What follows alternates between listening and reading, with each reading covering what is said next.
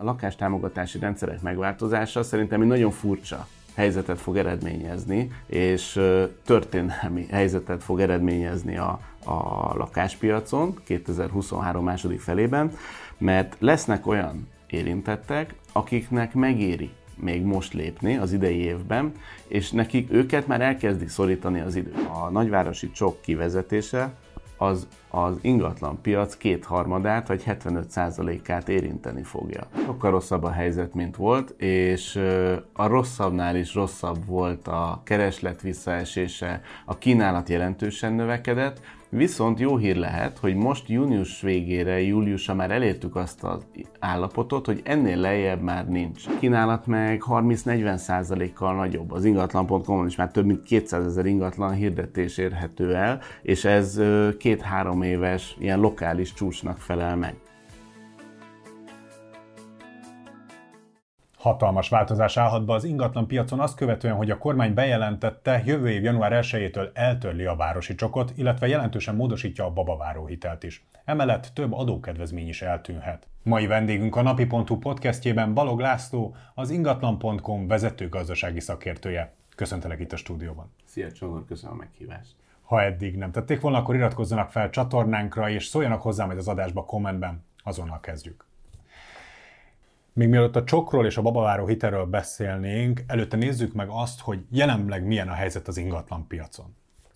Az ingatlan piacról szóló hírek olyanok, mint valami haditudósításról uh, hallanánk a tévében, rádióban, vagy nálatok a napi.hu-n, mert rossz, sokkal rosszabb a helyzet, mint volt, és a rosszabbnál is rosszabb volt a kereslet visszaesése, a kínálat jelentősen növekedett, viszont jó hír lehet, hogy most június végére, júliusra már elértük azt az állapotot, hogy ennél lejjebb már nincs. Azt azért fontos tudni, hogy a lakáspiac mozgatórugói között egyrészt ö, szerepet játszanak a kedvezményes hitelek, a gazdasági növekedés, a keresetek növekedés, az állami támogatások, amiről majd a későbbiekben beszélni fogunk, de van egy alapjárat. Magyarországon ugyanis 10 emberből 9 saját tulajdonú ingatlanban lakik, ezért a nagy élethelyzetváltozások, gyermekszületés, párok összeköltözése, párok szétválása, öröklés, ez általában mind-mind ingatlan tranzakcióval jár együtt, és ez az alapjárat évi, éves szinten kb. 80-90 ezer adásvételt produkál a piacon, ezre akkor is sor kerül, ha piros hó esik az égből. És most azért látunk erre utaló jeleket, hogy gyökeres változások indulhatnak meg 2024-től, a jelenlegi stagnálás, a jelenlegi visszaesés pedig annak köszönhető, hogy a korábbi időszakban rendkívüli nagy volt a lakásdrágulás, éves szinten 20-25%-kal nőtt az ingatlanok értéke, ki mondani, és ki számolni, hogy ez reál értéken, éves szinten mekkora értéknövekedés jelent, és csak azért mondom ezt, mert most mindenki odáig van, hogy a reál értéken csökkent az ingatlanok értéke, de amikor ugyanez a növekedés végbe ment, akkor kevés, kevés összehasonlítást láttunk az ingatlan ára növekedés és az infláció mértéke Igen, között. Tehát amikor az infláció mondjuk 3-4 százalék volt, 5, és akkor hirtelen emelkedett 15-20 százalékot, az ingatlan akkor nem volt. Akkor ez nem volt akkor a baj. Most viszont ugye a magas infláció fölfelé húzta a lakáshitelek kamatait is, a magas kamat környezet miatt, és ez azért, problémát, azért jelent problémát a lakáspiacon, mert az elmúlt évek lakásdrágulása ahhoz vezetett, hogy most már minden második ingatlan vásárlásához hitelre vagy külső forrása van szüksége az embereknek. És mivel magasak a hitelkamatok, most már átlagosan akár 10% fölött is jár a, a újonnan felvett lakáshitelek kamatszintje, és a legjobb ajánlatok is 8-8,5%-nál kezdődnek, ez jelentősen visszaveti nem csak a hitelfelvételi kedvet, hanem a lakásvásárlási kedvet is. Említetted és ez nagyon megütötte a fülemet, hogy az ingatlan piacon most nincsen lejjebb. Ez a pont, ez a mély pont, amit te itt most meghúztál, hogy ezek a tényleg csak a kötelező tranzakciók történnek meg a piacon, hogy ez arányaiban vetve mondjuk a 2008-as ingatlanválsághoz képest ez hogy néz ki? Ez annál még azért jobb, vagy ott vagyunk nagyjából, vagy már az alatt? Nagyjából ugyanott vagyunk. A 2008-as válság egyébként az ingatlan piacra csak 2010-11 körül gyűrűzött be, és 2008-2009-ben még egészen parádés számokat produkált a lakáspiac, akkor volt utoljára 35 ezer fölött a megépült lakásoknak a száma, tehát az még a, a vihar előtti csend, vagy a, vagy a Titanicon szóló hegedű zenével lehet ezt, lehetett jellemezni, és körülbelül 80 ezer adásvételre esett vissza a korábbi 150-200 ezeres tranzakciószám. Most nagyon hasonló folyamatokat látunk, 150-160 ezer darabos adásvétel számról esett vissza 2022-ben a forgalom nagyjából 120-130 ezerre, és az idei évben nagyjából 100 ezer körüli adásvétel szám várható, vagy még kevesebb. És ez már nagyjából pariban van a 2008-as szinttel. Ez az ingatlan piaci szereplőknek mit jelent? Tehát, hogy volt ennek egy olyan felfutása, hogy nagyon sok embert foglalkoztattak az ingatlan piacon, rengeteg ingatlanos értékesítő jelent meg. Nyilván, ha sok mindent el lehet adni, nagy forgalom van, sok a jutalék, akkor megjelennek. Hogy ezen a területen foglalkoztatottság szempontjából most volt egy lemorzsolódás? Van egy lemorzsolódás? A, ha az ingatlan közvetítői szegmensre gondolunk, ami nagyjából 10 embernek adott munkát az elmúlt években, ott is nagy változások mentek végbe. Eleve ez talán egy külön beszélgetést is megér, hogy egy 10 milliós ország 100-150 ezeres adásvétel száma képes-e eltartani 10 ezer embert úgy, hogy nagyjából az összes adásvétel negyedét vagy harmadát, a nagyobb városokban nagyjából ez, az arány, a harmad, harmadát bonyolítják ingatlan közvetítők, tehát körülbelül három... Uh, Amennyire kiveszem a szavaidból, nem. Nem, tehát magyarul, magyarul ha, ha, ha szűkösebb idők járnak a piacon, akkor van egy lemorzsolódás, és itt is a, a, a, a méretgazdaságosság az érdekes különbségeket vet föl. Azt látjuk, hogy a kisebb, jó minőségű szolgáltatás nyújtó, akár egy vagy két ingatlan közvetítőből álló irodák rugalmasabban tudják átvészelni ezeket a helyzeteket. A nagyobb hálózatoknál nagyobb, magasabb arányú a lemorzsolódás. Az egyébként majd egy érdekes kérdés lesz, hogy például a hitelpiac hogy mikor talál magára, mert azt is látjuk, hogy bizonyos ingatlan közvetítők már nem is feltétlenül az ingatlan közvetítésből élnek, hanem a hitelközvetítésből. És ott ebből parádés jövedelmeket lehetett elérni, és ez nem is okozott gondot, ez nagy segítség volt a lakásvásárlóknak is, hogy valaki fogta a kezüket, segítette, irányította őket a hitelfelvétel során, de hát most a hitelpiac is 60-70 kal visszaesett. És akkor forduljunk rá a legfrissebbekre, hogy a városi csok eltörlésével egy nagyon-nagyon komoly pillére dől meg az elmúlt évtized mondjuk úgy ingatlan eladásainak, ami ugye mindenki arról beszélt, hogy a csok azért beépült az árakba, tehát egy nagyon komoly felhajtó erőt jelentett az árakba, és nem feltétlenül lett, lett tőle könnyebb ingatlant vásárolni, hogy valaki csokot tudott felvenni, főleg azoknak, akik nem fértek hozzá a csokhoz, de ugyanúgy az ingatlan piacról kellett ugye ingatlan venni. Ez, hogy a városi csokot kivezeti a kormány, ez milyen, milyen átrendeződést hozhat az értékesítésekben és az árakban? Szerintem itt rövid távon és középtávon is komoly változásokat okozhat a család és lakástámogatási rendszer átalakítása. Az mindig egy ilyen komoly szakmai vita volt különböző piaci szereplők vagy oldalak között, hogy most a csok mennyivel járult hozzá a lakásdráguláshoz, de azért az fontos leszögezni, hogy ez csak egy eleme volt, ami miatt most például Budapesten nem kapsz 30 millió forint alatt beköltözhető lakást, mert azért a lakásdráguláshoz nagyon komolyan hozzájárult eleve a gazdasági növekedés, a bérek növekedése, és a szuper olcsó hitelkamatok, amik 2021 nyarára olyan szintre csökkentek, hogy már 2-3 százalékon lehetett piaci alapon lakáshitelhez jutni, ami még a kamattámogatott 3 százalékos fix hitelnél is kedvezőbb volt, és ilyen körülmények között, hogyha az ingatlanok megdrá- kiszemelt ingatlan megdrágult 1-2 millió forinttal, azt mondták a családok vagy a vásárlók, hogy hát nem baj, majd akkor annyival több hitelt veszek föl, mert az havi szinten talán 10-15 ezer forinttal dobja meg a kiadásokat. Ez egy elviselhető ö, kompromisszum. Most viszont ez az egész a visszájára fordult, és, és azt látjuk, hogy a lakástámogatások még ugyanúgy elérhetőek, az összes többi körülmény, a gazdasági kilátások, a hitelkamatok, a jöved, reáljövedelmek is jelentősen romlottak, és hát a lakásárak növekedése is kifulladt. Most már legtöbb helyen stagnálás és átcsökkenés a jellemző trend. Alkú pozícióba kerültek a, a Ráadásul ugye a kínálat meg 30-40 százalékkal nagyobb. Az ingatlan.com-on is már több mint 200 ezer ingatlan hirdetés érhető el, és ez két-három éves ilyen lokális csúcsnak felel meg.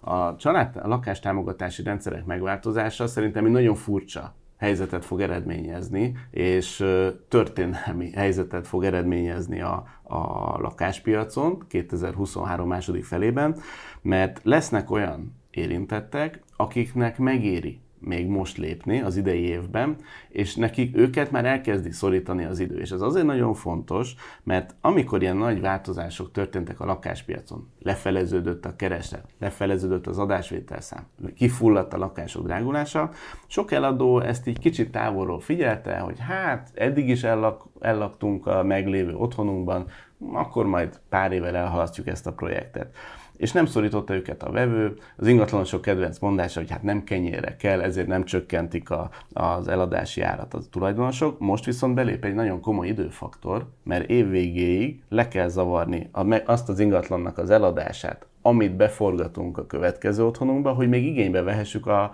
az elérhető támogatásokat. És ez egyszerre élénkítheti néhány ezer darabbal az adásvételszámokat, majd ezt külön is kifejtem, hogy viszonylag alacsony lehet az a volumen, amit megmozgat a piacon ezek, ezek az előrehozott tranzakció szám, és a élénkülő piac ellenére nem növekedni fognak az árak, hanem pont az eladókat érintő nyomás miatt gyorsuló ütemben csökkenhetnek, ahogy haladunk az év vége felé, mert egy olyan piacon kell vevőt találni, ahol nincs sok vevő. Tehát magyarul csökkenhetnek az árak, több lehet az adásvétel, és majd meglátjuk, hogy mit, mit, mit hoz majd 2024, mert most egy kicsit olyan helyzet állhat el, hogy utánunk az özönvíz, nem tudjuk pontosan, hogy mi lesz majd 2024-ben az elérhető lakástámogatásokkal. Kevés szó esik arról, hogy ugye nem csak a csök, csok önmagában járult hozzá nagyban segítségként egy, egy otthonvásárlásnál, és ugye hát a babaváró is nagy részt önerő felhasználására került, azért ez jól látható volt a piacon, de hogy a csokkal jártak olyan kedvezmények, adókedvezmények, ugye, amik szintén kivezetésre kerülnek a piacról, így, hogyha a kamatkedvezményes hitelt, a csokot, a babavárót összeadom, és még a, hozzáveszem mondjuk az illetékkedvezményt, és mondjuk a, az áfa mentességet, hát akkor azért itt ö, súlyos 10 milliókról is beszélhetünk egy ingatlan esetén. Hogy ezeknek mi lesz a sorsa, és ö, hogy ezek milyen hatással lehetnek a vásárlásra. Ez, ez már egy régi folyamat, és ez pont a, a lakástámogatások körül kialakult diskurzus részét képezte a kormányzat oldaláról is, hogy ezt mindenki látta, hogy a 2016-ban bevezetett visszanemtérítendő támogatások, azok elinflálódtak, csúnya szóval a piacon, már reál értékben egyre kevesebbet érnek, mondjuk egy egy gyerek után járó 600 ezer forintos kedvezmény, az mondjuk néhány doboz csempére lenne elegendő. Egy, egy, egy fürdőszobára legyünk rendesek, egy, igen, kisebb igen, fürdőszobára. Egy, egy felújítása, de hogy ez nem, szerintem ez nem baj, abból a szempontból, hogy azért a kormányzat erő, tett erőfeszítéseket annak érdekében, hogy ezt valamilyen szinten kompenzálja ezt a nagy lakásdrágulást. És ez nem a, a támogatás növekedésével járt együtt, főként, hanem például a bevezetett 3%-os kamatozású csokhitel kiterjesztésére a használt lakásokra 2018-ban, 2019-ben ugye a babaváró bevezetésével nagy segítséget kaptak a fiatalok az önerő előteremtéséhez egy nagyvárosban, mondjuk Veszprémben, Budapesten, vagy akár már Debrecenben is, ha valaki egy átlagos 40-50 millió forint értékű több gyermek otthonálló szolgáló család lakást szeretne megvásárolni, ahhoz is már 8-10 millió forint önerőre lenne szükség, és hát a életük útját kezdő fiatalok közül kevesen vannak, akik ennyi pénzzel a zsebükben szaladgálnak. És ugye itt jött be még 2021-ben ezekhez az, az ingatlan értékétől függetlenül járó illetékmentesség, ami mondjuk egy 50-100 milliós ingatlan esetében akár 2-4 millió forint értékű támogatás jelent, ami persze nem azt jelenti, hogy megjelenik a számlánkon, hanem nem kell kifizetni. És pont ezért lehet ez érdekes a következő időszak, mert itt nem feltétlenül a 600 ezer forintos, vagy az 1,3 millió forintos egy-két gyerek után járó használt lakás vásárlásra jutó csok a csokot, csok mozgathatja a piacot, hogy ezt, erről lemaradnak az emberek, hanem pont ezekről a, a kapcsolódó kedvezményekről érinthetik érzékenyen a vásárlókat, és ezért hozhatják előre a tranzakciókat, és hogyha már ismét szóba került, akkor érdemes azt is tisztázni, hogy nagyjából 25-30 ezer csokigénylő van egy évben, és azt látjuk, hogy az év elején ez nagyjából 75%-kal csökkenhetett a számuk az új lakásigénylések esetén, és kb. felére esetett vissza éves alapon a számuk a használt lakásvásárlók körében. És, és ugye ez a 30 ezer össz csokigénylő tekintve, hogyha néhány, egy, egy részük előre hozza a vásárlásaikat, ez sem fog több tranzakciót jelenteni, mondjuk évi 4-5 ezer darabnál. Igen, de ami talán még fajsúlyosabb feltételezésem szerint az az, hogy azzal, hogy a városi csok kivezetésre kerül, azzal a csok az mekkora részét érinti a csokkal felvett hiteleknek összességében, tehát hogy fajsúlyát tekintve. Ugye ahhoz, hogy ezt megértsük, azért érdemes említést tenni a lakás támogatási rendszer átalakításának a pozitív vonatkozásairól, mert hogy a falusi csok, ami 2019-ben kerül bevezetés, az jelentősen bővül 2024-től. És ott is egy érdekes történelmi helyzet állhat elő, mert 2024-től lesz valószínűleg a dolog jelenása szerint először fordul elő, hogy egy használt lakásvásárló magasabb összegű támogatást kaphat, mint az, aki új lakást vesz, vagy új lakást épít falusi csokos településen. Mert ugye ott a használt lakásvásárlásokra jutó támogatás mondjuk három gyermek esetében 10 millióról 15 millióra nő, de ezt a magasabb összegű támogatást, ahogy eddig is, a felét az ingatlan felújítására, korszerűsítésére vagy bővítésére kell fordítani. De Függetlenül attól, hogy a falusi csokos települések a Magyarországon több mint 3000 településnek a 75%-át kiteszi, azért az adásvételek körülbelül 75%-a és a lakosság kétharmada az a nagyvárosokban él, és ezek az adásvételek is ott történnek. Tehát a, a nagyvárosi csok kivezetése az az ingatlan piac kétharmadát vagy 75%-át érinteni fogja. És nagyon nagy kérdés, hogy mi kerül majd bevezetésre a, ehelyett, és hogy mikor kerül bevezetésre, mert ugye ez is egy bizonytalanság, tehát nem lehet azzal kalkulálni, hogy bármi is kerül bevezetésre, az már 2021. január 1-től rendelkezésre áll, ezért van most feladva a lecke az ingatlan vásárlást és eladást tervezők számára. Milyen hatással van ez a folyamat az albérletárakra? Mert arról kevés szó esik, most a tranzakciók, vásárlásoknál látjuk, hogy ez nagyjából milyen folyamatot indít el, erről beszéltünk is.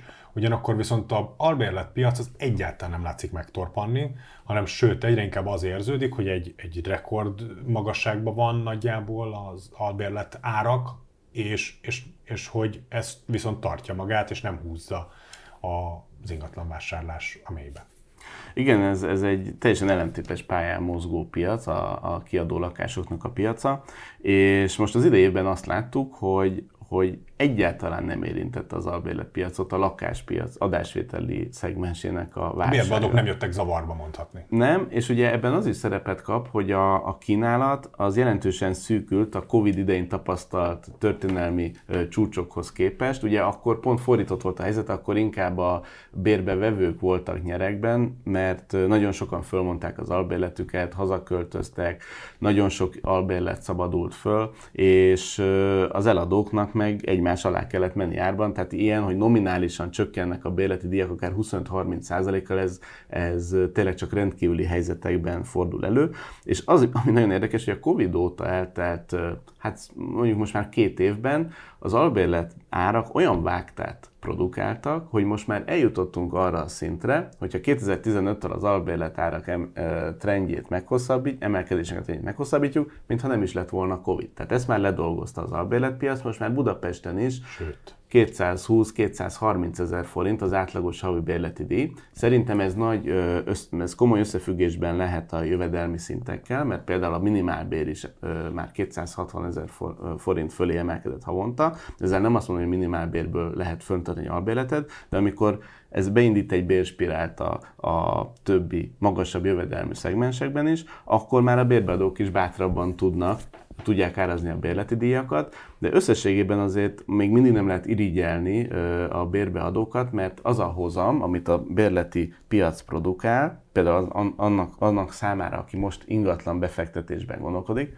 szerintem az ő számuk is jelentősen lecsökkent az elmúlt időszakban, még mindig messze elmaradt például az államkötvények hozamától, mindezt úgy, hogy az elmúlt években végmeben éves szintű 15-25 százalékos lakásdrágulás már véget ért, sőt az ingatlanok értéke is csökkent. Tehát magyarul a kínálat enyhén bővül most szezonálisan, ugye nem sokára indul az albérletpiac, szezonja a felvételi ponthatárok kihirdetésével, de a bérleti díjak vágtáznak, ez azt jelenti, hogy havi szinten másfél-két százalékos emelkedés mutat a KSH ingatlan.com lakbérindexe is, amit a statisztikai hivatal közösen csinálunk, és ennek egy ö, ö, eredménye, hogy éves szinten 17-18 százalékkal drágulnak az albérletárak, ami őrületes drágulás, mégis még elmarad az infláció ö, éves szintjétől. Tehát ez egy ilyen felemás helyzet, és ugye ehhez a helyzethez hozzájárulhat a lakáspiac másik oldalának, az adásvételeknek a válsága is, hogy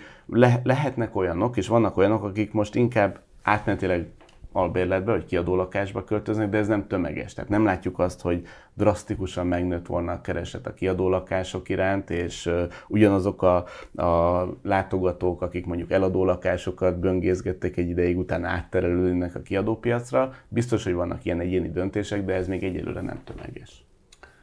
Kik vannak az idén még jó helyzetben? Mi az, ami egyértelműen levonható konklúzióként? Az eladók vagy a vásárlók? Szerintem az már tavaly nyár óta egyre egyértelműbb, hogy aki most ennek a sok bizonytalanságnak az ellenére úgy dönt, hogy mégis lép, mégis vásárol, biztos, hogy jobb helyzetben van, mint azok az eladók, akiknek muszáj eladni az ingatlanjukat hogyha pusztán a tényekből kiindulunk, hogy felére csökkent az év elején a vevők száma, most már nagyjából éves szinten harmadával kevesebb már csak a vevő, de ez nem annak köszönhető, hogy a vevők száma elkezdett emelkedni, hanem inkább az a bázis, amihez viszonyítjuk a vevők számát. Tavaly júniusban már eleve sokkal kisebb mértékű volt, tehát már leegyszerűsítve már a tavaly június-július is nagyon rossz volt, és ahhoz képest már sokkal kisebb az elmaradás és túl azon, hogy most sokkal kevesebb a vevő, a kínálat is bővült. 30-40 százalékkal, és ez ugye egyértelműen azt jelenti, hogy az alkupozíciója a vevőknek jelentősen nő.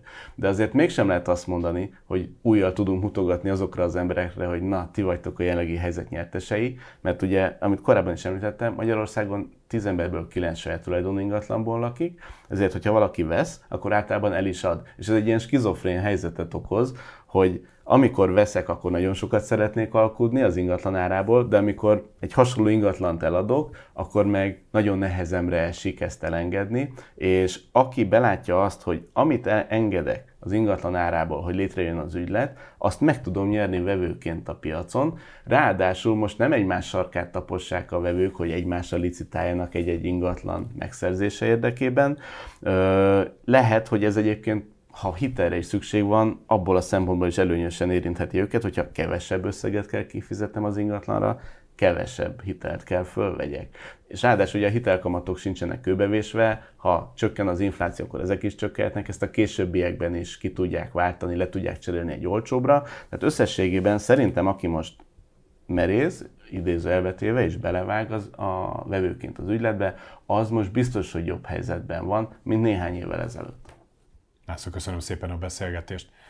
Önöknek pedig köszönjük a megtisztelő figyelmet, hogyha lemaradtak volna, akkor a teljes adásunkat ugye visszanézhetik a YouTube-on, illetve a napi.hu weboldalán is megtalálják a teljes tartalmakat. Kommentben szóljanak hozzá az adásunkhoz. Hamarosan ismét friss tartalommal várjuk Önöket, akkor is tartsanak velünk, addig is viszont látásra, viszont hallásra.